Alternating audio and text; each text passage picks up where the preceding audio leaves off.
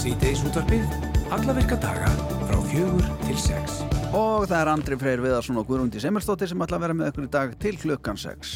Það er 70 oktober og það eru 15 ár frá hrunu og 15 ár upp á dag síðan að Geir Há Horti sagði þessa flegu setningu Guð blessi Ísland. Og á sunnudag og mánudag þá verður sínd á rúf heimildamindi í tveimur hlutum um uppgjörið eftir bankarunnið. Og í myndinni er fjallaðum ótrúlega eftirmálarhunsins þar sem að bankalind var aflétt og vitakar rannsóknir hófust á því hvernig þrýstæstu bankalansins fóru í þrótt. Og í þessari mynd þá er rætt við stjórnmálamenn, hagfræðinga, saksóknara, rannsakandur og bankamenn. Og við ætlum að fá til okkar á eftir hana Margreti Jónalsdóttur, hún er framleiðandi og aðstofulegstjóri myndarinnar. Og spyrja hana út í, ég bæði gerð myndarinnar og þessa mynd. Uh, og myndin hefur fengið nafnið Baráttan um Ísland. Já, það er nefnilega það. Það hefur ekki farið fram hjá nokkur meinasta manni hérna á Íslandi að eh, já, þetta bakslag í, í réttindabaratu hins eginn fólks og uh, þetta skýtur skokku við þar sem að fólk bendir ítrekvað það þessi árið 2023 við ætlum að fá til okkar Daniel E. Arnason framkvæmdastjóra samtakana 78 hann ætla að koma til okkar eftir og við ætlum svona að ræða það hvað er í vopnabúrum samtakana til að taka á þessum fordómum sem að verast fara vaksandi frekar en hitt Í gær var tekin fyrsta skóplustunga að 4400 fermetra viðbyggingu við Grensás sem að mun tvefaldar húsnæða deildarinnar og ríki greiðir fyrir nýbygginguna og grunnbúnaði í hana. En hotlbinir Grensás standa fyrir landsöfnun meðal fyrirtækja félaga klúpa og almennings. Svo kaupa megið þau tæki sem að deildina vanta mest. Já, já. og í kvöld verður hér á rúf söfnunadagskrá þar sem að fjöldilistamanna kemur fram til stuðnins Grensás deild og við töltekjum við marga sem að þekkja deildina af eigin reynslu og hinga til okkar á eftir kemur Guðrún Pétustóttir, hún er formaður Hollvinna Grensás til þess að segja okkur frá því mikilvæga starfi sem að þarna er unnið og þess að við ætlum náttúrulega að kynna okkur aðeins dagskrá kvöldsins Já, í, já, í já. sjónvarpunni þetta hefst Já, strax að loknum kvöldfréttum og er til tíu, þetta er, þetta er glæsileg dagskrá. Þetta er stemning sko líka heima í stofum og svona. Veist, þetta er að sjá hver er í símaverun og svona allt þetta, þetta er stemning sko. Þetta er alltaf stemming Já, þetta er gaman að námskeið sem að leggur áherslu á að kveikja á okkar innri kynveru með dansi, öndunaræfingum, hristingi, eh, reyfiflæði, tegjum og góðum og gefandi samtali um sjálfsást, sjálfsfróun og sjálfsmynd. Þetta námskeið heitir að sjálfsögðu kynveran og það er hún Íris Stefania Skúlatóttir, sviðsliðþakkona sem að eh, sér um þessi námskeið og hún kom hérna síðast til okkar fyrir einhverju síðan. einhverju síðan já. Já. Og var að segja okkur frá uh, gjörning þar sem hún var að jarða fylgjuna sína. Hátilega aðtöp, það var mjög það var merkilegt. mjög Já, og uh, hún ætlar að segja okkur já, geta fylgjunu sinni í þetta skiptið. Við ætlum bara að ræða þetta námskeið. Beta, uh, eitt sér epileg tónlistakona finnur sig í ónýtu hjónabandi. Ekki verandi svo móði sem hún vil vera. Nei. þegar að ungu maður flyttur hún á heimili til að hjálpa með jæja. barnið og, og fer að leggja til daðurverkefni fyrir hjónin. Já, bölvaður og Beta er hérna þvingu til að taka áhættu og stíga aftur inn í lífið uh, um þetta og uh, væntarlega mikið meira að fjalla nýju þættir sem að heita svo lengi sem við lifum Mhm. Uh, Þetta eru þættir sem eru síndir á stöð 2 veldur Já, já. fyrsti þáttur heldur bara nú á sunnudaginn Það er bara rétt hjá þér Já, þeir eru skrifaðir af Anítu Brím Já, já. Hún fer einni með aðalutur þáttur og Aníta ætlar að koma í kaffi til okkar á eftir. Einmitt. Og fyrir fólk sem er að fara alltaf spennu og hérna, getur bara alltaf beðið eftir sunnudeginum, þá erum við góða fréttir. Því á morgun þá er þetta að drepa tíma því að þá er hinn árlegi hrútadagur haldinn á Rauvarhöfn og þetta er í átjánda skipti sem að eh, dagurinn er haldinn. Ingi Björg Hanna Sigurdóttir, hún er að farast á spenningi yfir þessu öllu saman og uh, hún er svona eh, ein af þeim sem er í fórsvari fyrir hrútadaginn og hún er á línu. Sæla blessuð.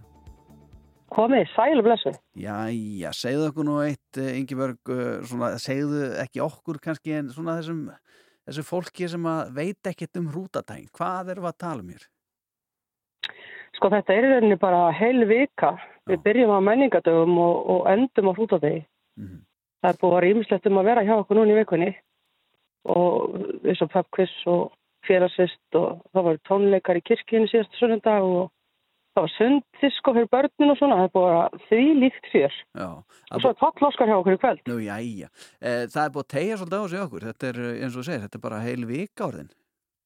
Já, við erum ekki með menninga helgi, sko, við erum bara menninga vikur. Já, auðvitað. En hvar, hvar mun Páll Óskar tróða upp? Því þið eru náttúrulega með félagsemlegaðna og það komast, komast hvað margir í það? Það eru svona 300 manns kannski. Já, já, já. Er já, alveg já. ball, sko. Þetta verður alveg ball með palla. Já.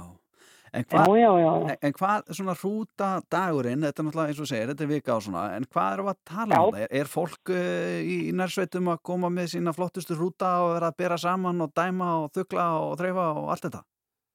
Eh, Bara nákvæmlega þannig, sko. Þetta er bara uppskerhátt í banda og, og fólk kemur bara saman og, og hittist og Já. það er skoða hrúta og sömur kaupa hrúta og, og aðrir eru bara til þess að sína sig og sjá aðra. Já, Mhm. einmitt. Já, ég, ég hef farið á hrúndadaginn, mjög líflegt og skemmtilegt og þá var til dæmis stigvéla kast, verður það aftur? Ú, Það er sko árlegur viðburður Já, já, það er árlegu með miklum tilþrifum og sá sem er með flottustu tilþrifin, hann fær tilþrifaverðlun. já, Getur þú útskýrt stigvéla kasti fyrir þjóðinni, hvernig það fer fram? Um, sko, þú þarfst að standa í rauninni þannig og kasta stífulunni upp fyrir höfuðið á þér. Mhm. Fyrir aftan bak. Veit ég hvernig að útskýra Já, þetta? einmitt, þetta, þetta er svolítið Í snúið. gegnum klofið og upp fyrir, sem sagt, yfir baki og yfir haus. Það er maður að reyna að kasta stífulinu í svona einhvers konar kleinu. Já, Ó, já, já, Þetta er, þetta er miklu flokknar en það hljómar. já, þetta, já, þetta er það. það Þetta er allavega eitthvað sem að ég ætla ekki að reyna. Nei, það skilur maður bara eftir algjörlega kjafstof, sko. Eh, Hrútadagurinn sjálfur, það er morgundagurinn, það er aðal fjörið þá. Hvenar, hvenar hefist leikar? Já. Herra, þetta byrjar klokkan eitt í fagsahöllinni á okkur Já. og verður búið svona cirka millir fjóra og fimm. Mhm. Hvernig En þá spáir? ætlum við að, herðu, það er bara búið að rætast úr. Auðvitað. Mér leist ekkert á hann í vikunni, sko. Nei, nei, nei. Er að stríða okkur við guðinir, þetta er, þetta er Já, bara já, gott mál. það er bara svolítið. Já, dásanlegt En að, það er náttúrulega kvöldskemmturinn eftir, sko, þegar rútadagurinn er búinn. já, þá byrja aðalfjörið. Þá byrjar aða fjörið, sko. Já, Þá þá einar ágúst og, og Beggi að koma og, og þrjus okkur stuð. Vá, þetta er ekkit smá, Nei, smá prógram. Páll Óskar í kvöld og Já. svo Einar Ágúst og Beggi á, morgun. Þetta er Já, geggja, já, já. Þetta geggja, sko. Þetta ræðislegt. Það er bara take it og lífið. Já, þú, Ingeborg Hanna Sigurðardóttir, þú fer varlega þarna uh, á morgun og, og hérna gangið vel í stífuleikastinu. Við trúum því að þú takkir þátt hérna fyrir hönd okkar hérna í sýttir. Ég lofa engu. Mm. Takk ég alveg fyrir þetta. Heru, takk fyrir í lagi. Bless. Það er Ert þú með eitthvað svona triks uh, ef að batni með hyggsta, hvernig það losna við hyggsan?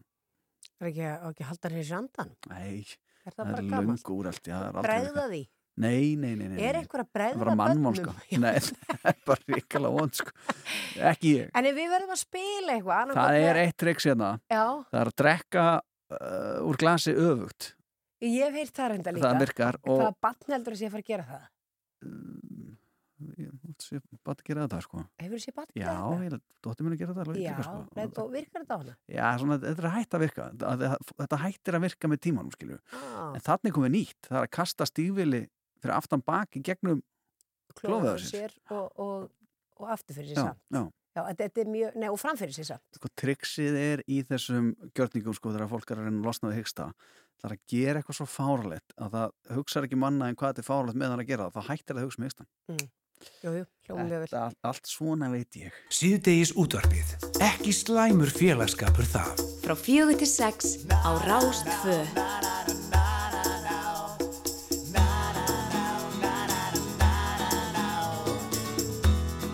Nóttin björn Kyrðin gagtekur mig fljótt Sumar nótt Kynja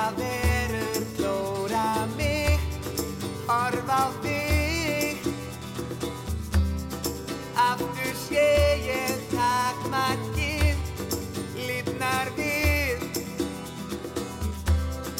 Hugsunin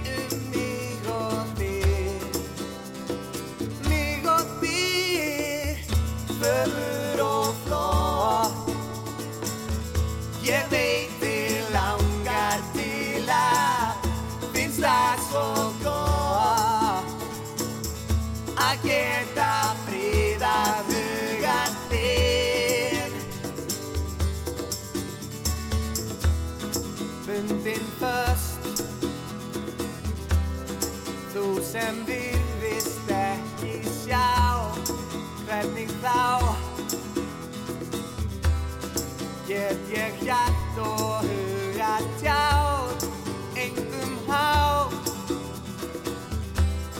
Tækifæri gæti mitt hjarta þitt. Er það eina sem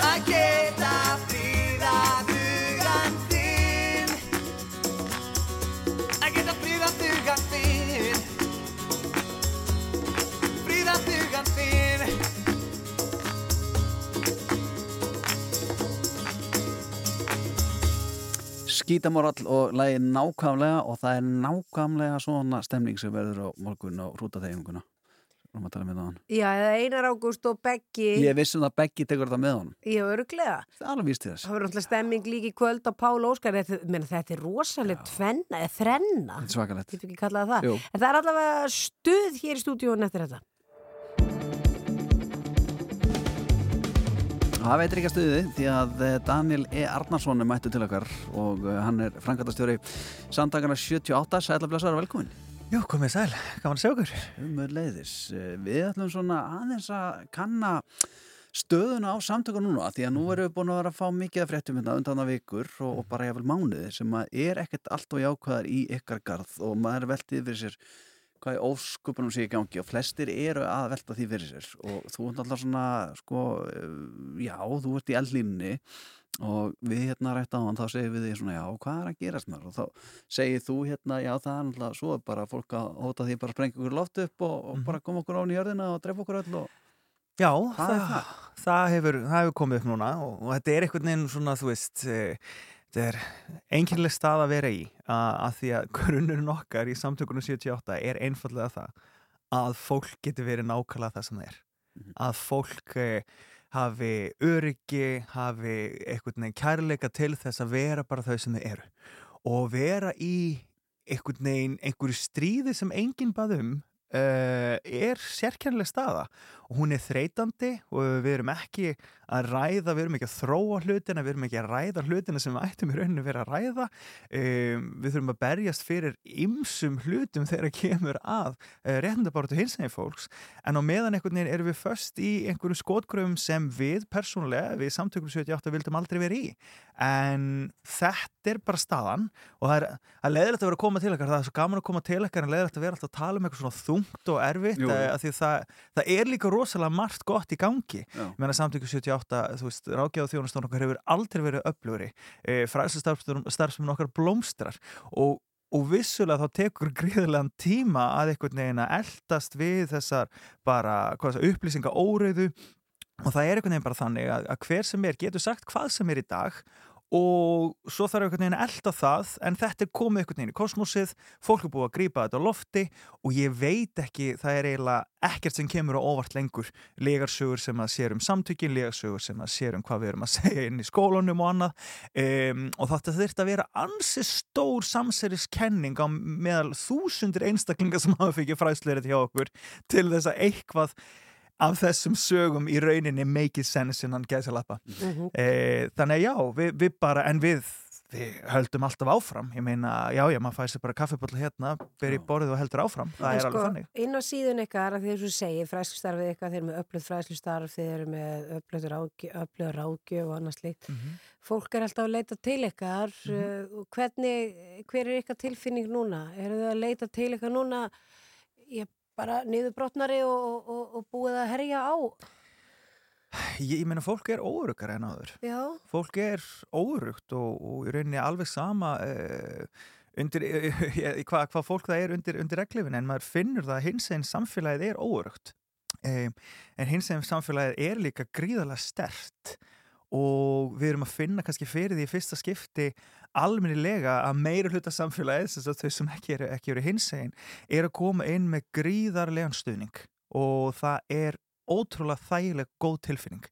Að því að samtökju 78 hafa vaksið rosalega mikið, voru hér áður uh, sjálfbóðlega drifin hagsmuna samtök sem voru meira að berjast fyrir borglurum réttindum uh, einstaklinga, út í það og síðustu kannski áratug að verða stór þjónustu samtök eh, eru með fræðslu erindi, ég veit ekki 15.000 manns eru fór fræðslu erindi hjá okkur á, á ári, það eru yfir 1200 einstaklingar sem mæta til okkar í ráðgjöfuna Um, og svo erindin, við erum að svara 300-500 erindum á viku. Um, þannig að við erum að risa stór lítil félagsamtök og sama tíma þurfum við einhvern veginn að, að vinna í þessu, þannig að þetta er barningur og við höfum verið frekar þreytt síðustu, síðustu daga. En aftur á sama tíma finnum við fyrir rosalum stuðningi. Já. að fólk er að vakna og það kannski ég meina, mögulega þurfti þennan viðbjóð til til þess að fólk vaknaði og sagði hei, hér er ekki allt fullkomið, hér er ekki allt saman komið. Uh, þetta er ennþá að gerast. Vegna þess að afleðingar þetta sem þetta hefur í förmið sér, þegar einstaklingur fer út með svona miklu hatri og skýli sér í bak við að venda einhvern tiltekinn hóp, vernda börnin það er engin að tala um að gera börnum neitt slæmt. Það er engin að gera það Uh, við, við viljum það líka, við viljum venda börnin, við viljum veita börnum það öryggi að við getum verið nákvæmlega sem þau eru og leifa börnum að vera börn Mhm. það er algjörlega þannig en svo einhvern veginn, en þetta hefur svo mikil áhrif, Já. þessi orðræða Talandi um börnina, þegar nú eru þið með svona uh, yngri deild innan samtakana og það er félagsmiðstöð og svona sem að krakka þeim mæta og spjalla saman og fá að vera frásvöldið það. Mhm. Já. Eh, Hvað finnst svona yngri krökkunum í samtökunum um þetta? Er þetta ekki svolítið svona högg fyrir þau? Svona að stíga sín fyrstu skref, svona einhvern veginn, svona er ég og svo bara inn í þessa fréttir að þeim? það er bara með hins eginn krakkana að þetta eru sterkustu krakkar sem ég hef hitt það er magnað að tala við þessi börn sem eru einhvern veginn að brjóta öll normin, brjóta staðalímyndinar á sama tíma að vera úlingur og við munum nú alveg eftir hvernig það er að vera úlingur en að taka slægin fyrir sjálfu sér e, og einhvern veginn láta ekkert býta á þetta er bara, sorry, þetta er fallegustu krakkar bara í heimi en auðvitað hafa þau fundið fyrir þessu líka en þetta hefur verið smá öðruvísi núna vegna þess að orðræðan er nákvæmlega svo sama og var á nýjönda áratökunum Mhm. síðust aldar og það er eh, hom, veist, þetta skítu og hinsegin fólk má ekki vera í kringum börnin. Mhm. því þau gætu hinsegin vættu eða þetta er bara nákvæmlega eins og við heyrðum inn í 80s skiliru að, að hommar mátti ekki koma nálat börnum um, veist, lesbjur, það var ekki rætt um lesbjur um, og við erum að gera og þetta er allt einhvern veginn skilt sér á bak við það að vernda börnin. Þetta er nákvæmlega sama orðað þannig ég kannski svona hjarta mitt beint eða taugarna mín að fara beint til einstaklingarna sem ruttu í brautina áður og voru einhvern veginn og er að lenda í því núna að taka annan slag 20-30 árum eftir eh, eftir þetta allt saman Mhm. um, en nú er be beinist það mögulega að öðrum hópin en hins veginn samfélagsins það skiptir einhver máli við erum öll eitt í hins veginn samfélaginu Já. og já, Þú talar um stuðning bara alls fólks þarna úti nema einhverja örfára sem hafa hátt. mm -hmm. Uh, Hvernig, því að það var náttúrulega búið að vera að tala um bakslag heil lengi og einmitt uh, einhverju sem voru að tala um, það er ekkit bakslag, það Mhm. er bara aldrei verið betra að vera hinsegin en núna og svo framvegis, en heldur að þetta hafi ekki bara leitt fólki það, já, allavega sýndi að það er bara heilmikið bakslag. Jú, því, því miður þá, þá þurfti allt þetta til að fólk er kannski að sjá bakslag þegar það kemur rétt um hinsegin fólks eða, eða einhvern veginn viðmúti sem hinsegin fólk verður fyrir. En svo meðu ekki heldur gleyma því að þetta bakslag er á fleiri hópa. Uh, ég meina, á Íslandi í dag til dæmis útlendinga anduðin er gríðaleg. Um, það er grassir að rasismi hérna. Um, við erum að tala um að við erum að sjá aftur uh, ákveði bakslag þegar það kemur rétt um hvenna og þetta helst allt saman þannig að það er ekkert sorgleira en að sjá uh, hópa, minnuluta hópa ekki taka höndum saman og berja saman að bættu mannreitnindum og það er það sem við þurfum að gera núna. Við þurfum, allir þessir hópar þurfum að, að taka bara saman höndum og, og halda ótröð áfram. Uh, því líku stuðningu sem við fengið frá öðrum félagsamtökum líka núna, þau eru að senda okkur sko blóm og nammi og hérna og annað sem er mjög fallegt. Um, þannig að, og það er mjög gaman að finna fyrir því, en við þurfum líka bara öll aðeins að staldra við og hugsa ætlum við að búa í svona samfélagi. Mhm. ætlum við að búa í samfélagi þar sem að einhverjum er bannað að vera það sem hann er? Um, ætlum við að búa í samfélagi þar sem að fólk fær ekki grundvallar réttindi þarf að vera inn í skáp uh, eða þarf, eða er ekki trú sjálfum, skiliru viljum við þannig samfélag raunverulega? Ef við viljum það ekki, þá gerum þá eitthvað í því. Tölum við börnin okkar. Segjum eitthvað þegar við sjáum eitthvað svona komment á samfélagsmiðlum eða inn á kaffestofu grípum bara, verum öll þáttakundur í því að byggja hérna gott samfélag fyrir okkur öll því að það er enginn að gera neitt hættulegt. Það er enginn að gera neitt hættulegt með því að fara inn í skóla og tala við krakka um fjölbreytileikan og hinseginleikan ég meina, ég held að ég tali fyrir hönd alls hinsegin fólks þegar ég segi Guð minn almótu hvað það hefur verið gott fyrir okkur hérna árum áður. Mhm. að því að við erum bara að segja hei krakkar við sjáum ykkur. Það, þið eru ekkert afbreyðileg hér er stuðningur og þið hafi rétt á að vera nákvæmlega eins og þið erið Mhm. Til þú talar um það að þessi lítil félagsamtök uh, þarf ekki bara að blása enn meir í og þurfu þyrtuðu ekki að fá tækifæra og stekka miklu meira. Jú, auðvitað, ég meina þegar ég, þegar ég segi frá hva, hvað við höfum stækkað mikið á síðustu árið þá heldur fólk bara að ég í alvörin að ljúa og ég þarf að benda á allar þessar árskýrslur á ársýrhinga og allt saman sem er allt ofinbært á vefnum okkar og ég meina það sem við höfum einhvern veginn gert í þessu öllu er það er einhvern veginn bakslæðið því að það er kynnt undir með uh, vantrösti, það er trúveruleiki okkar í dreginni efa og annað og þá náttúrulega bara förum við strax í það að ge gera meira ofinbært, meira upplýsingar um hlutina. Vegna þess að við höfum ekkert að fela. En við höfum, og fólk getur séð það kannski á áskýrslunum okkar að vöxturinn hefur verið gríðarlegur. Og sama tíma einhvern veginn að fá þetta, jú, við þurfum svo sannarlega að, að vaksa meira við þurfum fleiri samninga við sveitafjölu og hjópubur og allt það, en ég held að mikilvægast af öllu sem við þurfum er að fá fólk til þess að hugsa staldra við og segja hingað ekki lengra, við ætlum ekki að búa í svona samfélagi. Ég held að þetta séu fallið Ég loka held að Daniel. Arnarsson uh, fyrir hvað stendur í þið? Það er fyrir móðu mína, Elisabetharsson. Takk fyrir að spyrja. Daniel, Elisabethar og Arnarsson, frangatustur samtakar í 78, takk fyrir komuna og gangið vel. Takk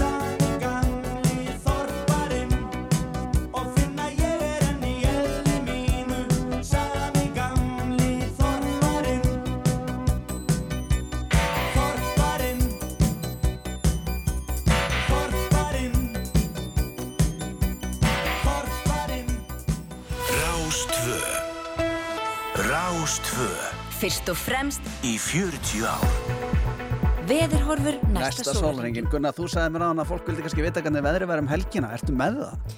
Ég er með það, Ertu ekki að grínast í mér? og svo gula Nei, er á öllu landinu núna. ertu, er maður að glenna sig? Núna, í dag. Já, já, Ég þarf að kíkja hvernig hún verður á morgun maður. já. Maður sjá, vonandi gullt. Jú, gullt á mörgum stöðum á morgun líka. Æja, Jæja, og hvað? en kíkjum aðeins á þetta. Mm. Það er breytilega á 3-8 metrar á sekund og bjart með köplum en stöku skúrir eða jél við austur og, söður ströndina. Hiti 27 stig en fristir allvíða í kvöld. Mhm. Það gengur í suðvestan 3 til 10 á morgun en 10 til 15 á landið norðvestanvert. Það þyknar upp vestanlands og sumstaðat aldrei væta en létt skíða austan til á landinu og hiti 27 stig yfir daginn. Mhm.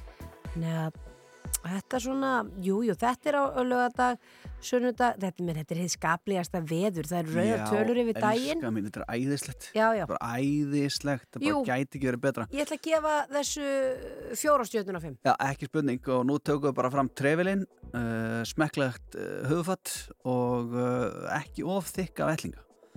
Svo er það bara göngutúr um Akkurat. Þetta er bara nákvæmlega sem við ætlum að gera. En uh, á þessum degunum mín, það er hérna, uh, ég er með ammálspöld, ég er með tvö ammálspöld. Ó. Eitt er þetta ekki barn, heitir, eitt skóli sem heitir Húsmaðaraskóli Íslands. Tók til starfa undir stjórn Helgu Sigurdóttir á þessum degi árið 1942. Það er merkilegur áfangi. Stór merkilegt og svo er hérna eiginlegt amlis barn, það er hann eh, Hjörvar Hafliðarsson, það er Hjöppi Kjá sem er náttúrulega svona ég hef búin að vera í fjölmiðlum hans lengi og, og, Dr. eh, Fútból. Já, einmitt og stýrir þeim þætti um, um, um fótbolta Bandarinska sjónvarstöðin CSI hófgöngu sína eh, á CBS sjónvarstáttaröðin fyrir ekki Varst þetta því, CSI Já, já.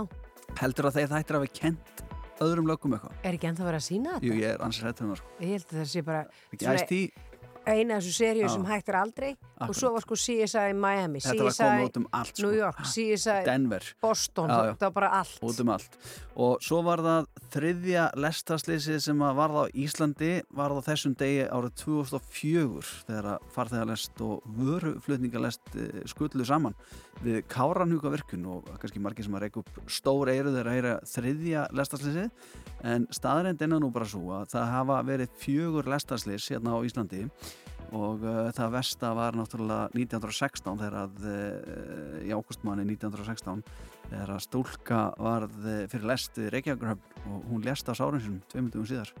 Það er hrikalegt og hinn þrjú hafa öll verið eh, upp á Kárnvíkavirkun Já, ha, þetta er ekki gott. nei þetta er ekki gott. En þetta lag aftur um að þetta er fínt sko. Þetta er hún eh, Jessie Warey sem það ekki? Já, ég myndi halda það. Já, uh, og lag sem heitir Pearls. Svo ætlum við að ræða um uh, mynd, heimildamynd 15 ár frá hruni og það er nýjar upplýsingar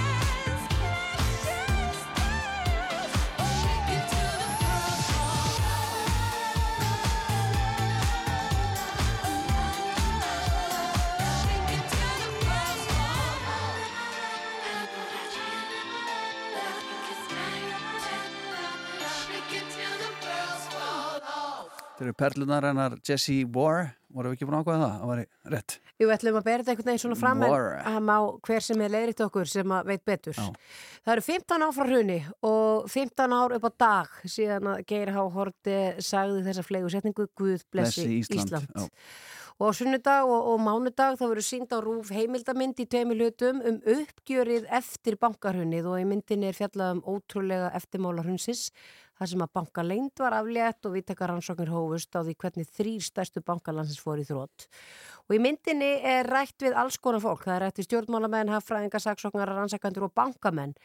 Og hún er komin hingað til okkar, hún Margrét Jónsdóttir sem er framleiðandi og aðstóða leikstjóri myndarinnar sem að eh, heitir Baráttanum Ísland, Kondi Sælublesuð. Kondi sæl, bless. Þetta er risa stórt verkefni að að taka einhvern veginn eftirmála hrunsins og, og henda í, í heimildamind. Þetta er náttúrulega bara óðsmanns æði og þetta er auðvitað myndin sem ég ætla aldrei að gera. Því að ég minna, hvern langar að rifja þetta allt upp? Akkurat Marin er að í þessu bara 15 ára síðan sko. Já, en svo náttúrulega er þetta svoleiðis að þegar maður er að vinna við að segja sögur eins og ég var að gera einu sinni, þá, þá hérna bara kallar eitthvað á mann. Og þetta er ekki einmitt nöðsilegt að rifja þetta upp því að það er svo margt sem þarf að fara yfir og svo margir vinklar og svo margt sem við getum lært.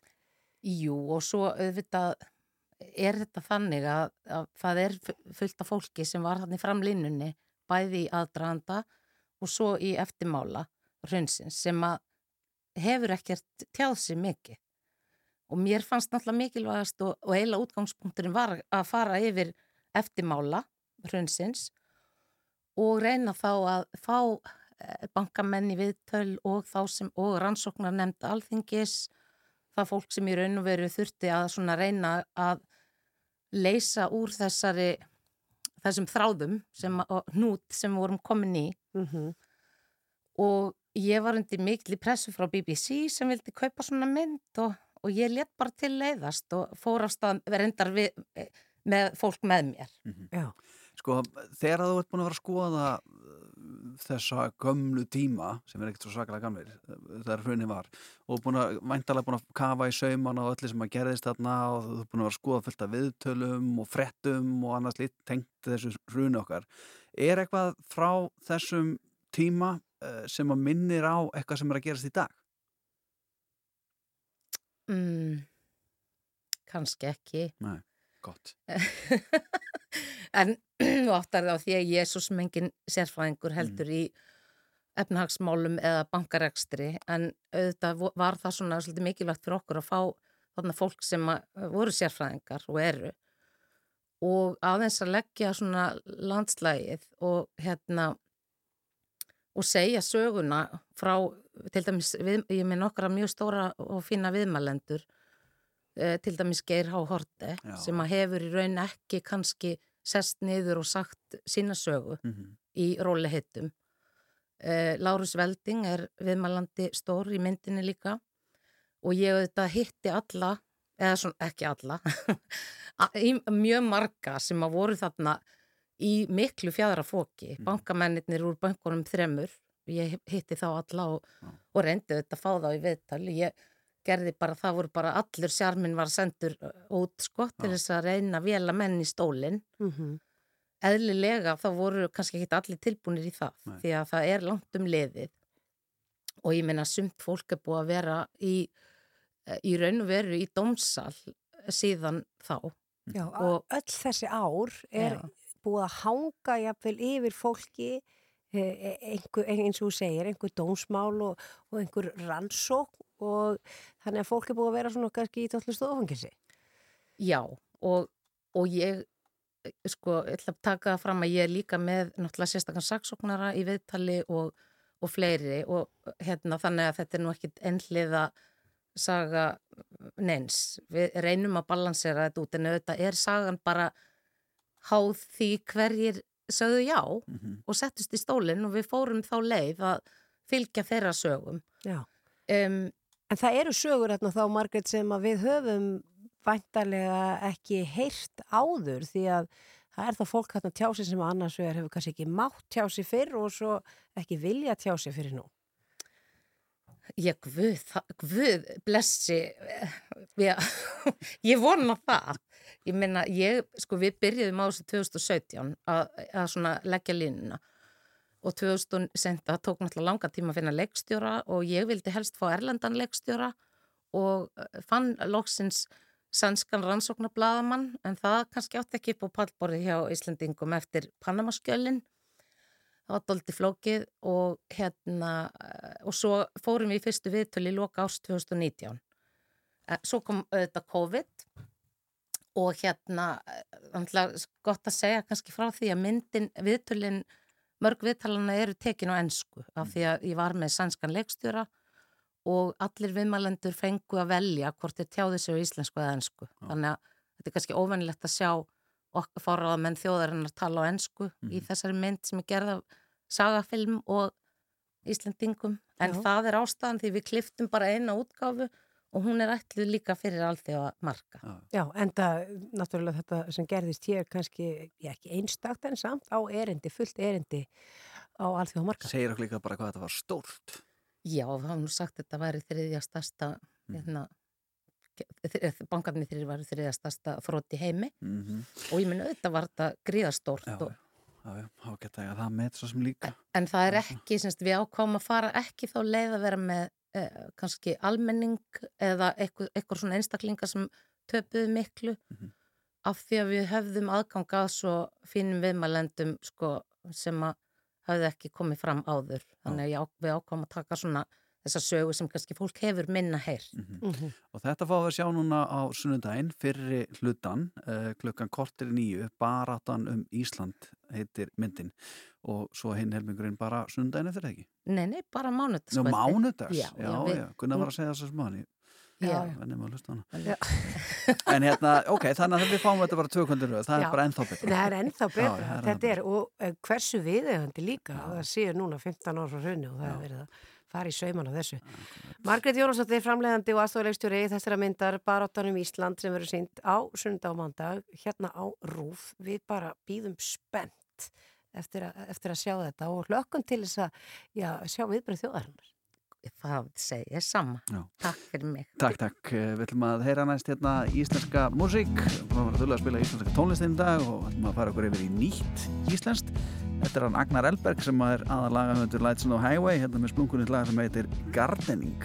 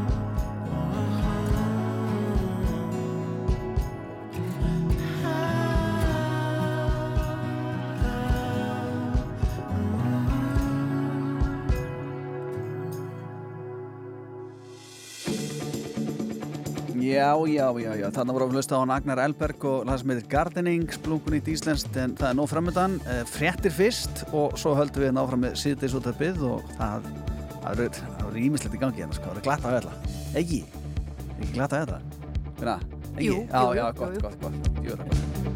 Áhyggjur á Þú ert að hlusta á síðdeis útvarpið Á Rástvö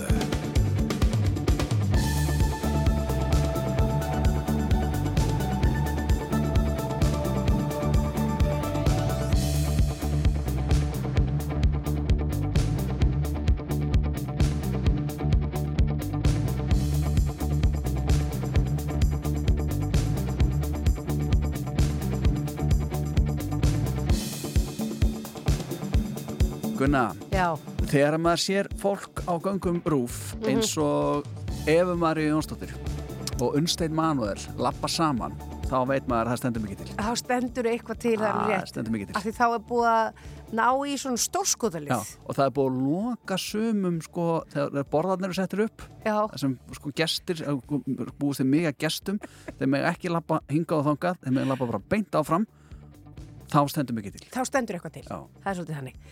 Og ástæðan fyrir því að það stendur mikið til hér í útashúsinu í kvöld sem og á öðrum stað líka. Mhm. Það er það að í gær var tekin fyrsta skóplustunga að 4400 fremda viðbyggingu við Grensás.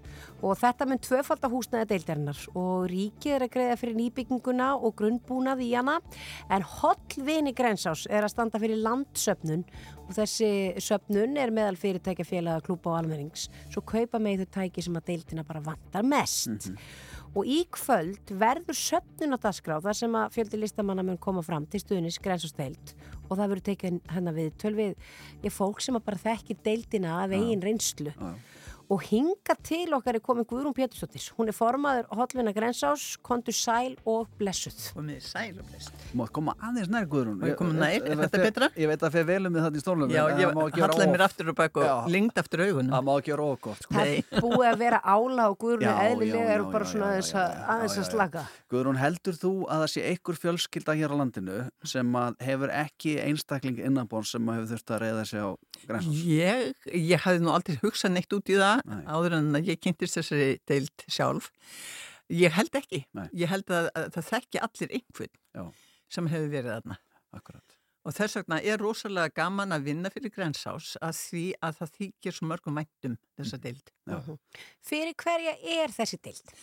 Þessi deild er fyrir fólk sem hefur orðið fyrir áföllum, það er kallað færni skerðing, sem til dæmis heila blóðfalli eða slísi, bílslísi til dæmis eða dottir niður stiga eða eitthvað fram að þakki eða bara eins og sumir bara rasa yfir eitthvað örlítið, Mhm. dettum lítinn stein á gönguferðsinni og brjóta á sér. Já. Svo leys að, að þetta kemur fyrir fólk á öllum aldri Mhm. og sumir missa hreyfi mátt og eru lamaðir í hjólastól en sumir missa hefna til að tala þannig að eitt af því sem ég finnst að gjört kraftverk. Hvernig fer maður að því að kenna mannesku sem er búin að gleyma hvernig maður talar? Já. hvernig kennir ma- mannesku að tala? Já, Mhm. akkurat. það er bara, svo lesa það er, það er sem sagt þarna kemur fólk inn og fær þessa endurhefingu og þetta er langklaup svona gerist ekki á einum degi en það er bara þólumæðin og bjartsinnin og vonin og framförin Já. sem að heldur fólki gangandi Já. Er þetta ekki allt orð sem eiga við grænsás? Jú. Þessi orð sem fyrst að enda hérna það er nú málið sko. Já, já.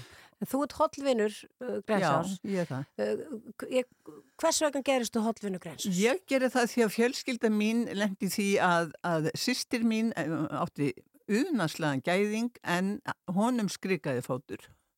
Hann datt hesturinn með hana, hún flög fram af og hálsbrotnaði og var bara lömuð frá hálsi og, niður úr í átján mánuði sem hún lifði en algjörlega klári kollinum, gersamlega.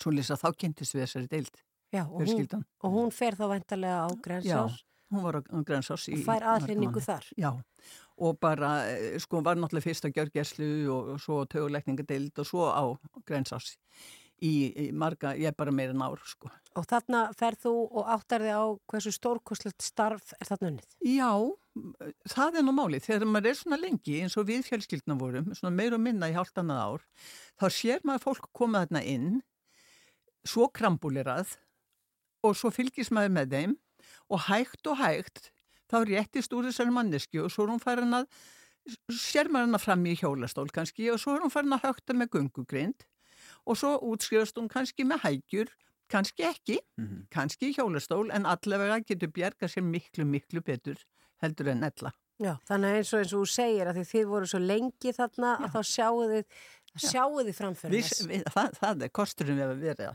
lengi á einhvern stað, þú sér hvað er að gera sko. Já, og nú er búið að taka skóplustungu að því að þrátt fyrir að starfið þarna sé frábært þá þarf, þá væntalega bara þarf að stækka þetta og, og ebla þetta enn frekar. Já, málið er að þetta, þetta hús sem er, lætur mjög lítið yfir sér hérna eftir á grænsásunum og nú eru komin stórublist tré allt í kring svo maður allar sér það.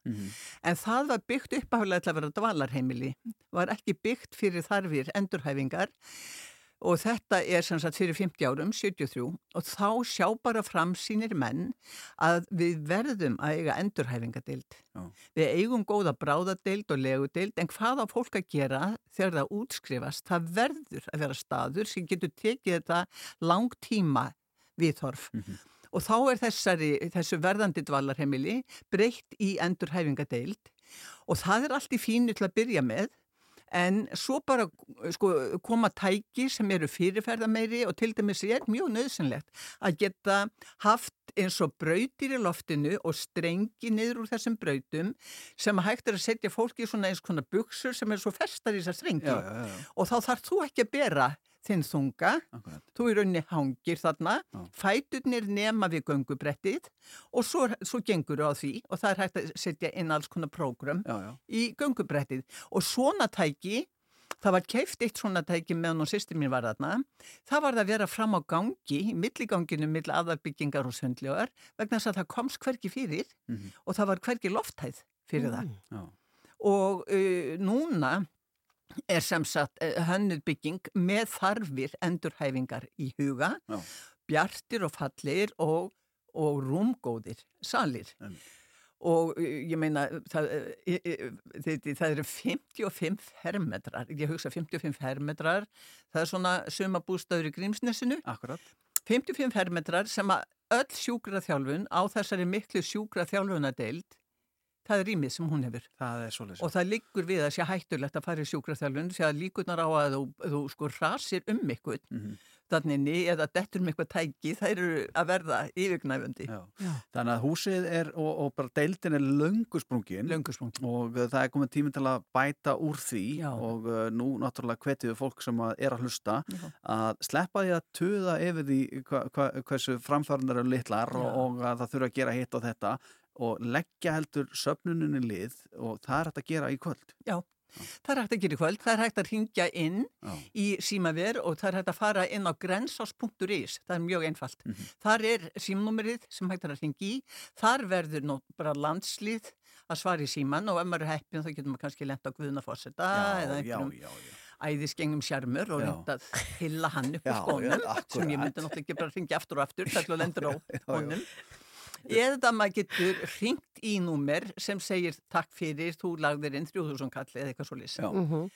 Svo að það verður í gangi og, og, og mikið fjör og hér í húsinu þá koma náttúrulega bara, það kemur landsliðið í, í tónlist og það er þyrtið Já, já. Unatorfa og Þetta er geggjað. Halli Rampur sem að Já, já. þjóðin elskar, hver er mest elskaði maður á landinu. Manneski ásins Já, manneski ásins Já, bara. já, hann verður hér og svo að því þú varst að tala líka um gói er líka þarna. Já, já. Já, og Haldur og Og Katrín. Hall- Halldór og Katrín, já, já. Þetta er Og- sjómaskvöld og- Ha, Þetta er sjómaskvöld algjört, þetta er hámhorf. Já, Og ég ætla bara að minna ykkur á að hér á göngunum hafi sést fleiri heldur en þetta unga og fallega fólk því það hafi sést algjöru fortgripir Já. sem satt spöggstofan Já. sem blés, þeir stóðu, ég sá þá vera að blása ríki hverja veðrum að bara, bara Herðu. rík ský Í, í, sko, ég var einmitt að tala um þetta henni síðdís útrafbundaginn, þá sagði ég að það kvíslaði að mig lítið fugl að það við sést til boga og örvas á Arnarhóli og við vorum veltaði fyrir okkur hvað eru ósköpunum ekki gengi á Já.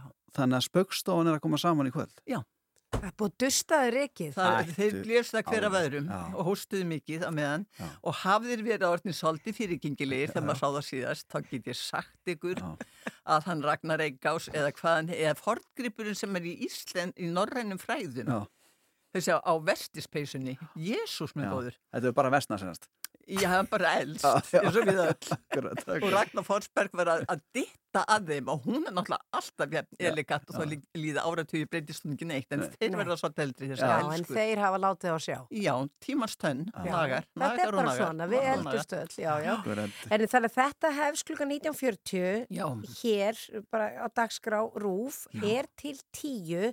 Þú ætlar Guðrún að vera hérna í húsi eitthvað til að byrja með? Já, og svo fara nýri símafer. það hugsa ég og kannski rápa ég á milli því það verður svo gaman á báðum stöðum. Já, auðvitað. Svo að það hérna, þetta verður bara æðis gengið, Ég ég hef ans- sagt ykkur. ansið hræddur um Og bara láta ykkur vita að henni sívinsælu þættir Gísli Martin Já. og Kapsmál Já.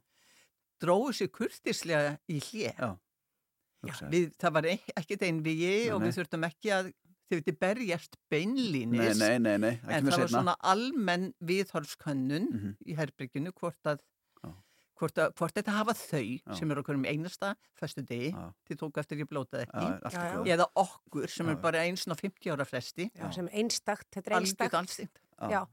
Og uh, við bara hvetum fólk til þess að horfa, njóta kvöldsins og svo styðja Láta gott að sér leiða. láta gott að sér leiða. Allt sem að sapnast þarna rennur þá til tækjakaupa og, og annars búnaðar sem þarf. Einmitt, og sem við höfum ekki geta keift vegna þess að það komst ekki meira fyrir á þessum 55 fermetrum. Nei. Það eru alls konar tæki sem eru stórkostleg og muni stór bæta aðstöðuna til endurhæfingar en við höfum ekki geta af því þau komst ekki fyrir. Nú getum við það. Guðrún Pétursóttir, formaður Hollvinna Grensás, takk fyrir komuna, gangi ykkur vel í kvöld og við hlökkum til að horfa. Takk, takk fyrir bjóða mér.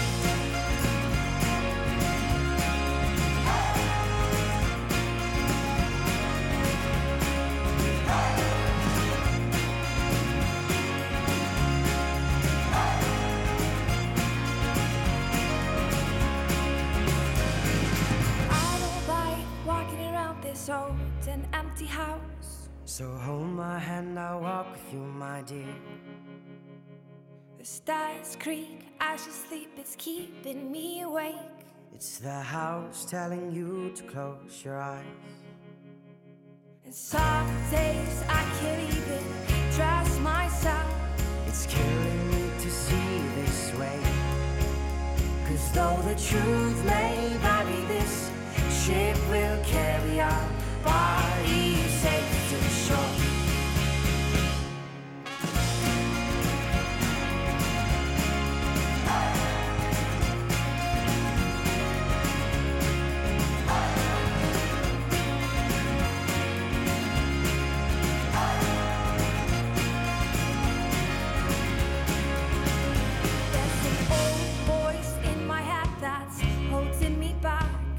Well, tell her that I miss our little talks. Soon it will be over and buried with our past. We used to play outside when we were young and full of life and full of love. Some days I don't know if I am wrong or right. Your mind is playing tricks on me, my dear. Cause though the truth may vary, this ship will carry our bodies Don't listen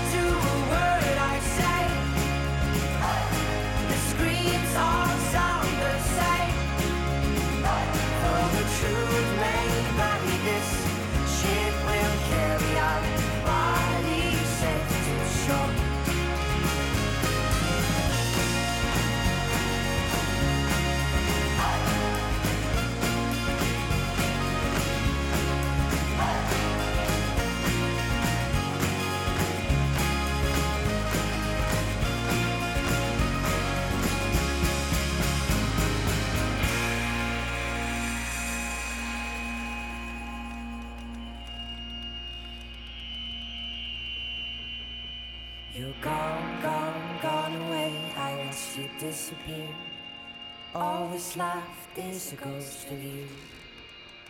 Now we're torn, torn, torn apart. There's nothing we can do. Just let me go, we'll meet again soon. Now wait, wait, wait for me. Please hang around.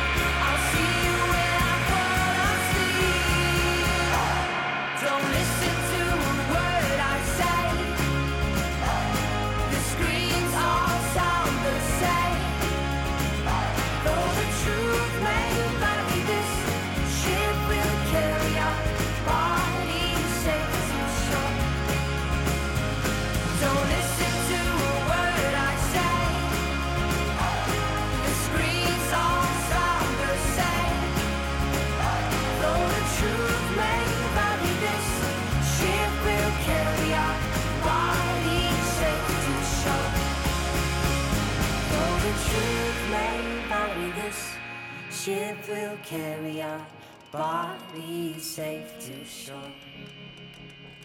Though the truth may vary, this ship will carry our bodies safe to shore. Rástvö Síðdeisútvarpið Hæfileg blanda Frá fjögur til sex á Rástvö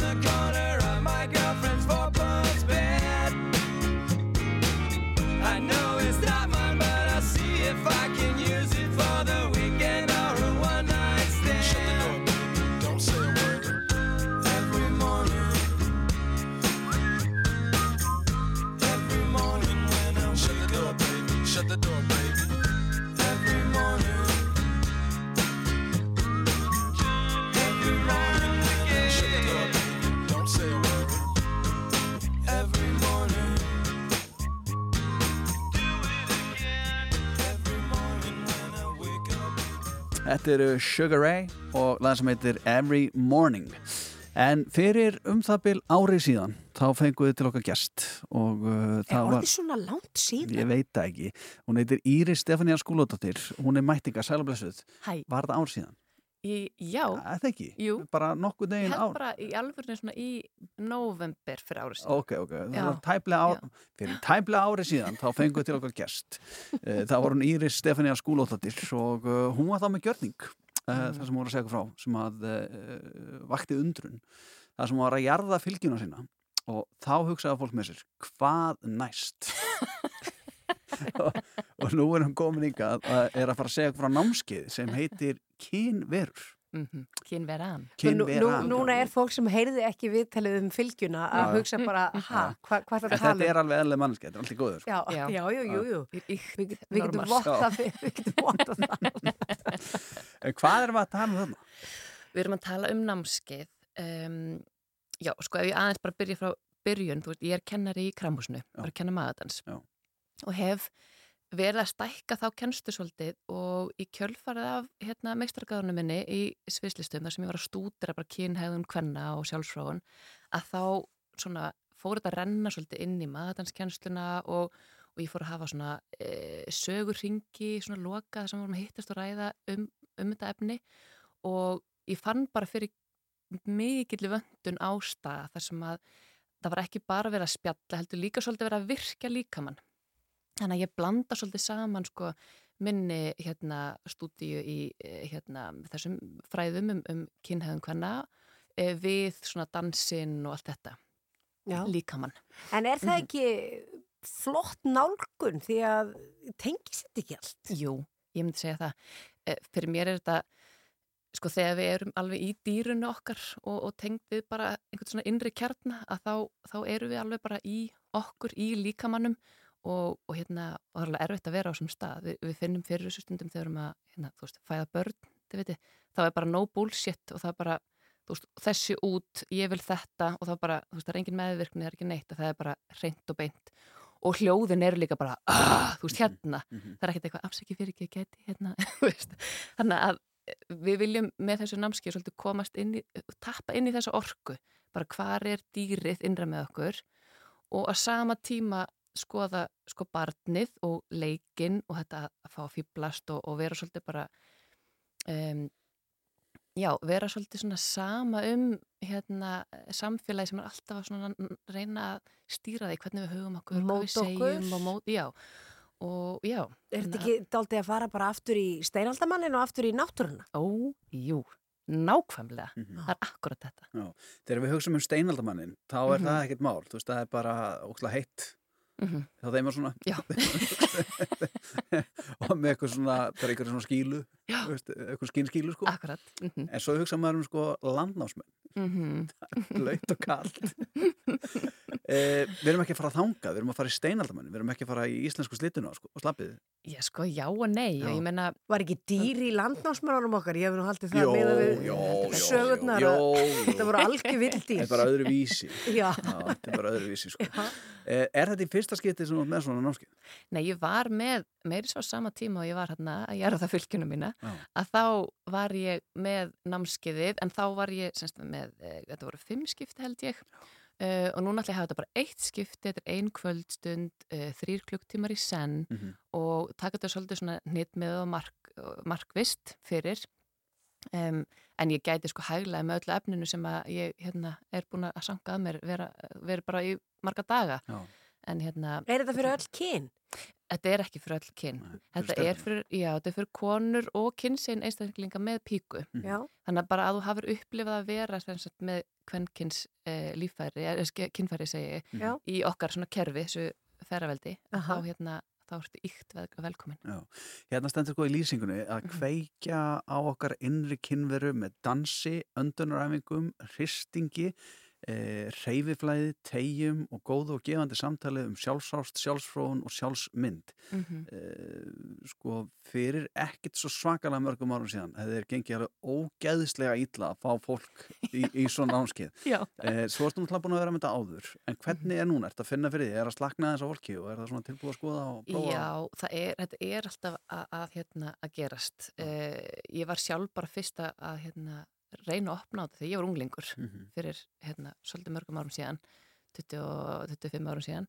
Um, og, hérna, og það var bara kallt, bara nei, hættu þessu, hvað bull er þetta? Mm. Og, uh, og það er mjög mikið að gerast núna bæði hafði sko MeToo-bylgir náttúrulega jákvæð áhrif að það var talað um hérna alls konar Mhm. eh, en náttúrulega ofbeldist tengt og í þessu námskeið langar mig að fara meira yfir í sko bara unaðinn og allt sem er gott og, og hérna ætlum að skilja svolítið þetta þetta eh, ofbeldi fyrir utan og búið til nýjan heim eh, og það er alveg, það er vöndun af því og ég finn fyrir því og það er alltaf bara ástæðan fyrir með þetta námskeið ég myndi ekki hérna kannski henda því svona út nema ég finn bara fyrir því að það er bara það er eins og sé smá kreif og það eru fleiri námskeið í gangi líka sem betur fer sko. Mhm. þú veist, í hérna á fleiri stöðum eru hérna kinnfræðingar með svona námskeið og þannig að það er að poppa upp hér og þar sem er bara geggja því við erum að reyna, ég held við sem að stíga inn í einhver svona smá unaðsbylgju eða ég vona það og Já. hún er búin að vera lengi sko í u- uppsiglingu alveg klárlega um, en hérna, já, ég held að við séum svolítið opin, opin núna og tilbúin í þetta Unaðsbylgju, ég held að það sé Mhm. flesti til í það. Ekki? Þetta byrjar á sunnudaginn. mm Já. Sunnudaginn kemur Já, og hvað gerir fólk sem er að hlusta núna, eða, eða hvern fólk, hvað gerir það sem er að hlusta og hugsar, Akkúrat. "Heyrðu, hérna, ég ætla að negla mér á þetta. Herðu, það fer á www.kramhúsið.is Aha. og skrollar smá niður. Það sér að mynda mér í svona bláum galla hérna, samfesting Já. uh, með hár út í loftið. Ég ætla bara að fara að skoða þessa mynd Já, er Þetta er að þessa mynd. Is. og hérna og smellir á bara bóka námskeið. Já. Þetta eru, þetta er einhver, þetta eru 13.900 krónur og uh, inn í þessu er geggjaður hérna, matur í pásunni frá um, Kramber sem er hérna, hérna svona kaffús sem er hérna hliðina á Já, ég meina og bursi frá því það hlýtur bara að læra helling á sjálfa Mhm. þig við þetta og, og finna dýrið í þér. Þú það ert eitthvað- að því þarna á þessari- í mynd. Ég er bara í dýrinu sko. Já, já, ég sé það. Þetta er magna. Eh, Það vil bara endilega uh, kíkið nánar á þetta, þið Mhm. ykkar sem að vilji skoða þetta námskeið kynverur í Gramhúsinu. Það er rosalega dýri í þessari mynd. það er alveg rétt. rosa dýr Já. þessu, ég það bara að fara að loka þessum glugga hérna. uh, takk kjærlega fyrir komuna Íris Stefania Skúladóttir og gangi vel með námskeiðið og komandi verkefni. Takk. Heimurinn tifar beig, hann snýst ekki bara í ringi. Dansgólfið viðar beig, á meðan ég spila á syrgi.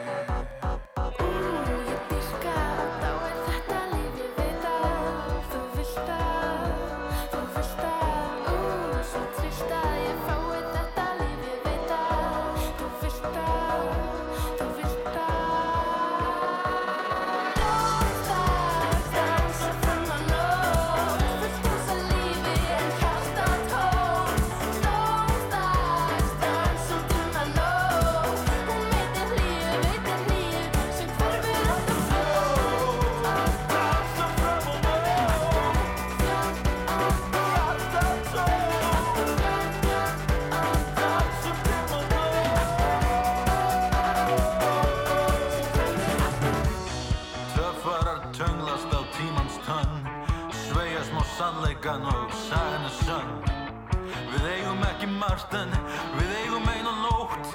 Dönsum út í dauðan, þetta allt er bjart. Og hljótt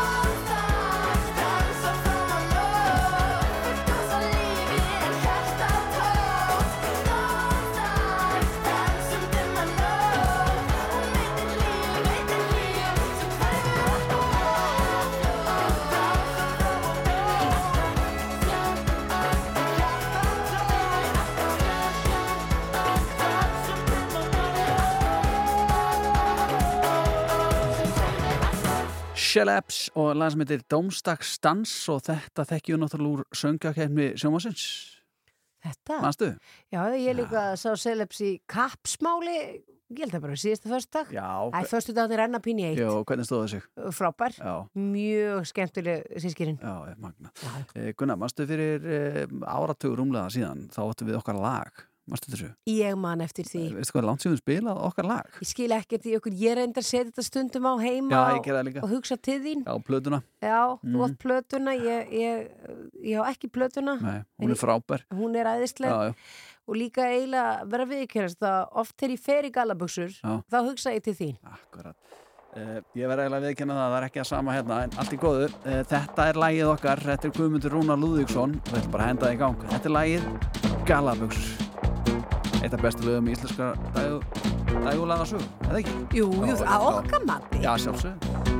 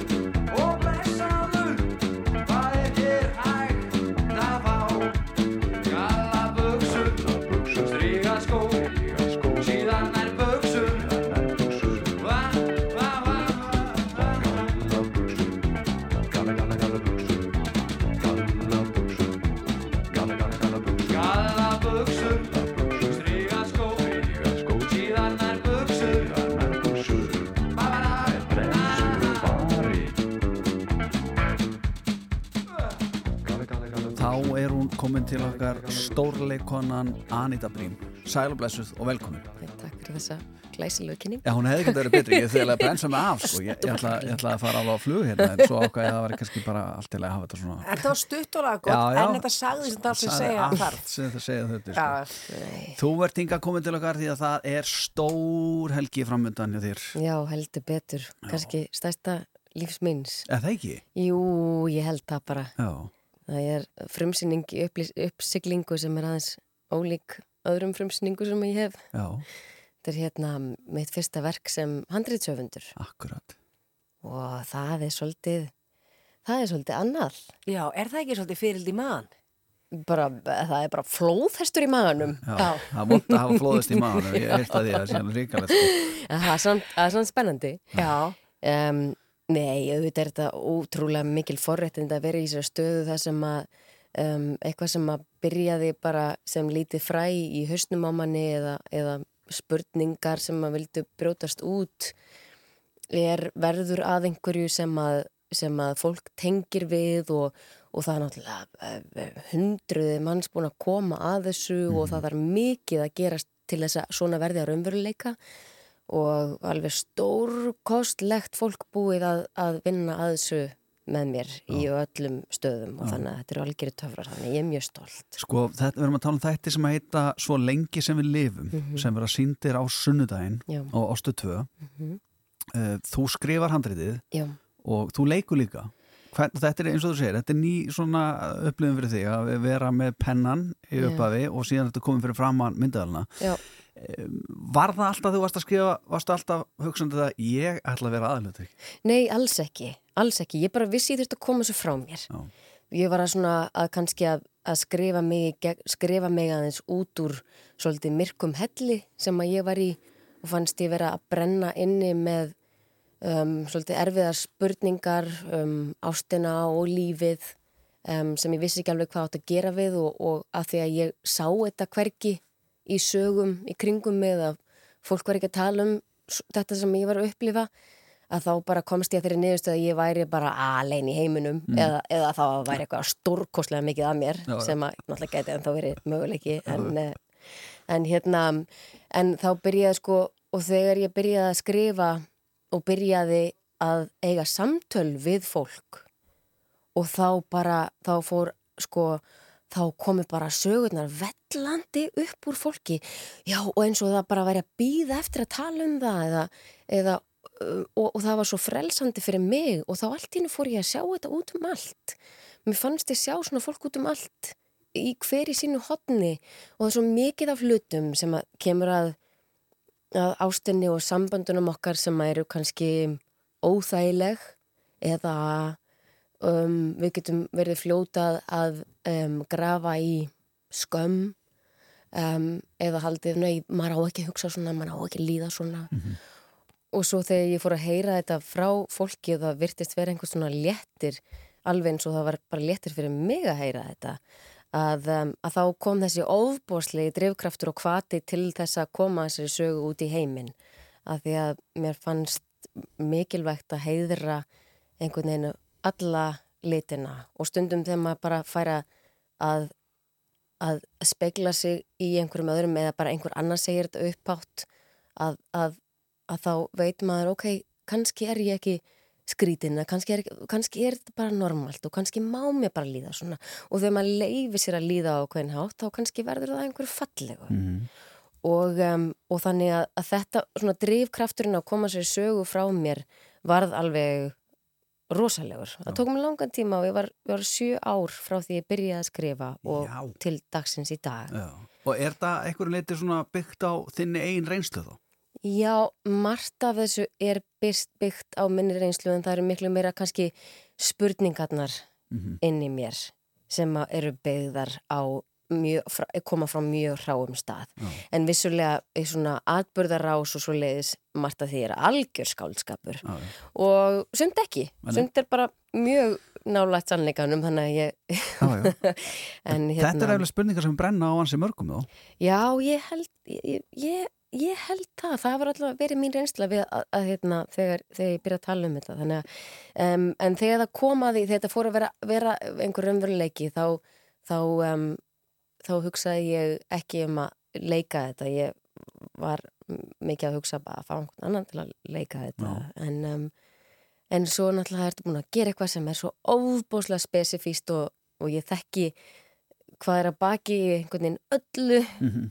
og hvað er undir í undir lögum Já, hvað í tilfinningar öllum eru og- senum og, Akkurat. og hérna Kanski bara einfaldar að þú myndir leika bara að hluturki í handældi sem þú er búin að skrifa og í sjö ár. Já. Þú veist hvað þú þarft að fá út úr þessar mannsku. já, já, já, já, einmitt En, en ferli við þetta, áður nú ferða aðeins betur og aðeins dýbra í sögutráð með Mhm. okkur, ferli við þetta þegar að það fæðist þessi hugmynd og þú þarft að koma svo blað og eitthvað svona, að því að það eru ótalmargir handritshöfundar í heiminum og margar seríur síndar. Efaðistu einhvern tíman á leiðinni, nei þetta verður aldrei. Já, já, alveg á hverjum einasta degi og helst allar mínútu dagsins hérna, um, þetta var rosa áhugavert af því að ég svona kannski oppin af þessum sjö árum var bara ég að telja mig ekki hafa rétt á því að kalla mig handriðsöfund eða, eða bara skrifa handrið þannig að, að það var ekki fyrir en sko ég fyrst var að vinna þessu sem bíómynd og ég var alltaf að býða eftir ok, en einhver tíman bráðum þá ætlum ég að fá einhver til að skrifa þetta með mér eða, eða, eða fyrir mig.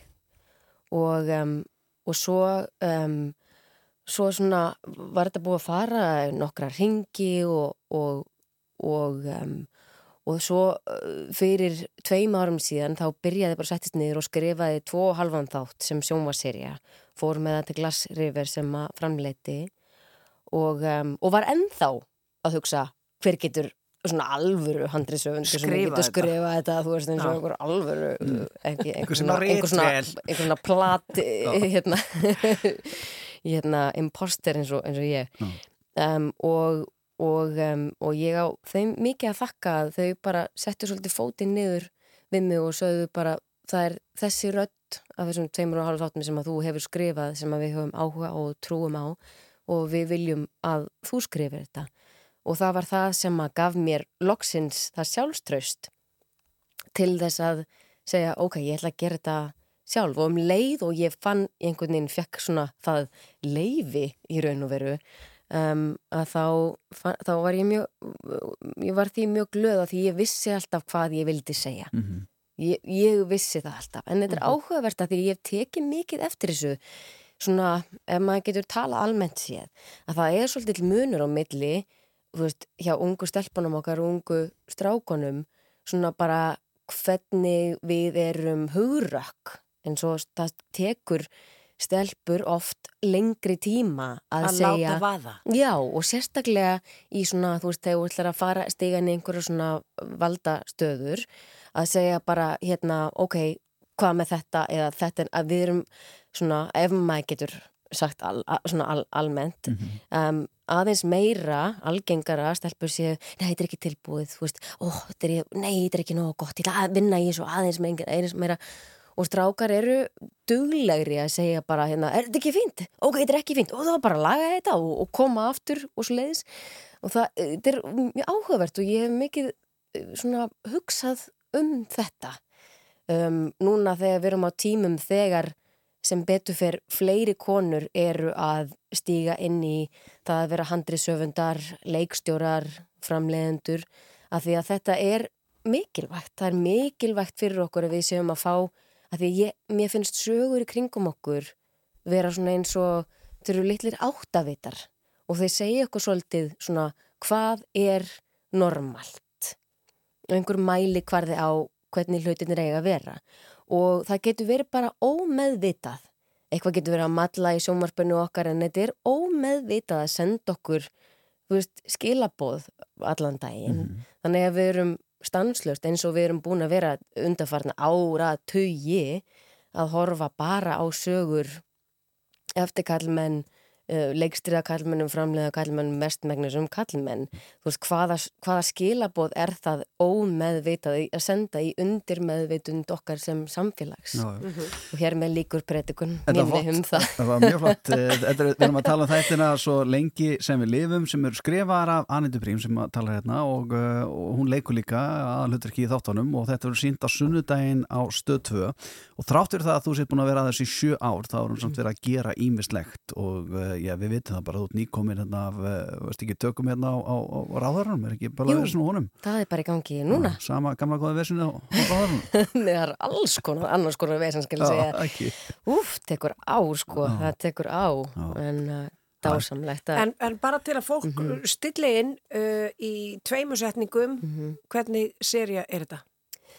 Þetta er, um, þetta er serja um, um hjón sem eru í svona, cirka svona sinni sjö ára krísu og eru í dimmum dal í sínu sambandi og geð heilsa aðal personan okkar er orðin mjög tæp þannig að mammenar kemur með skapandi lausn á því vandamáli að þau fá ekki leikskólaplás og ungt batnið þeirra og, og, og það að einhver þurfa að sinna í þeirra valda mik mikil tókstreitu.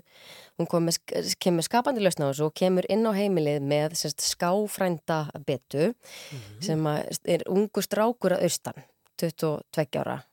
Indislegu strákur. Gott eintak E, gott eindag Já. og, hérna, og hann fyrir svona óbeint að leggja á borð svona lítil daður verkefni Mm. fyrir hjónin að gera sem að þau fara síðan að dýfa tánum í Já.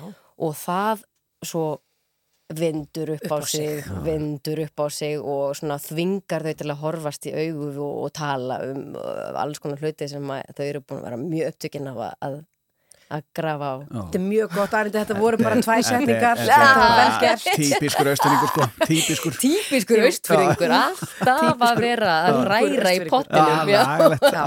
En þetta, hljóma brjálæslega Já, er það, mar- hvað er það margið þetta? Þetta er skemmtilegt, sko. Þetta á að líka vera skemmtilegt. Þetta er svolítið spunky, skilur, þetta er pínu sexy. Það má líka alveg. Það er náttúrulega lífið. Þetta er á svolítið til sælu. Er það er margið? Hvað er það margið Þetta eru þetta? sex þættir, Geggjað. 6-45 minútna þættir. Já, það er fullkomin lengt. Aðeins að hrista Mjög upp í, upp í hérna á heimilum Já, það Takk fyrir að standa í þessu Anita Ó, Dream og takk bara góða helgi kærlega. og vonum að þættinni fari vel ofan í þjóðana Kærar þakki fyrir mig.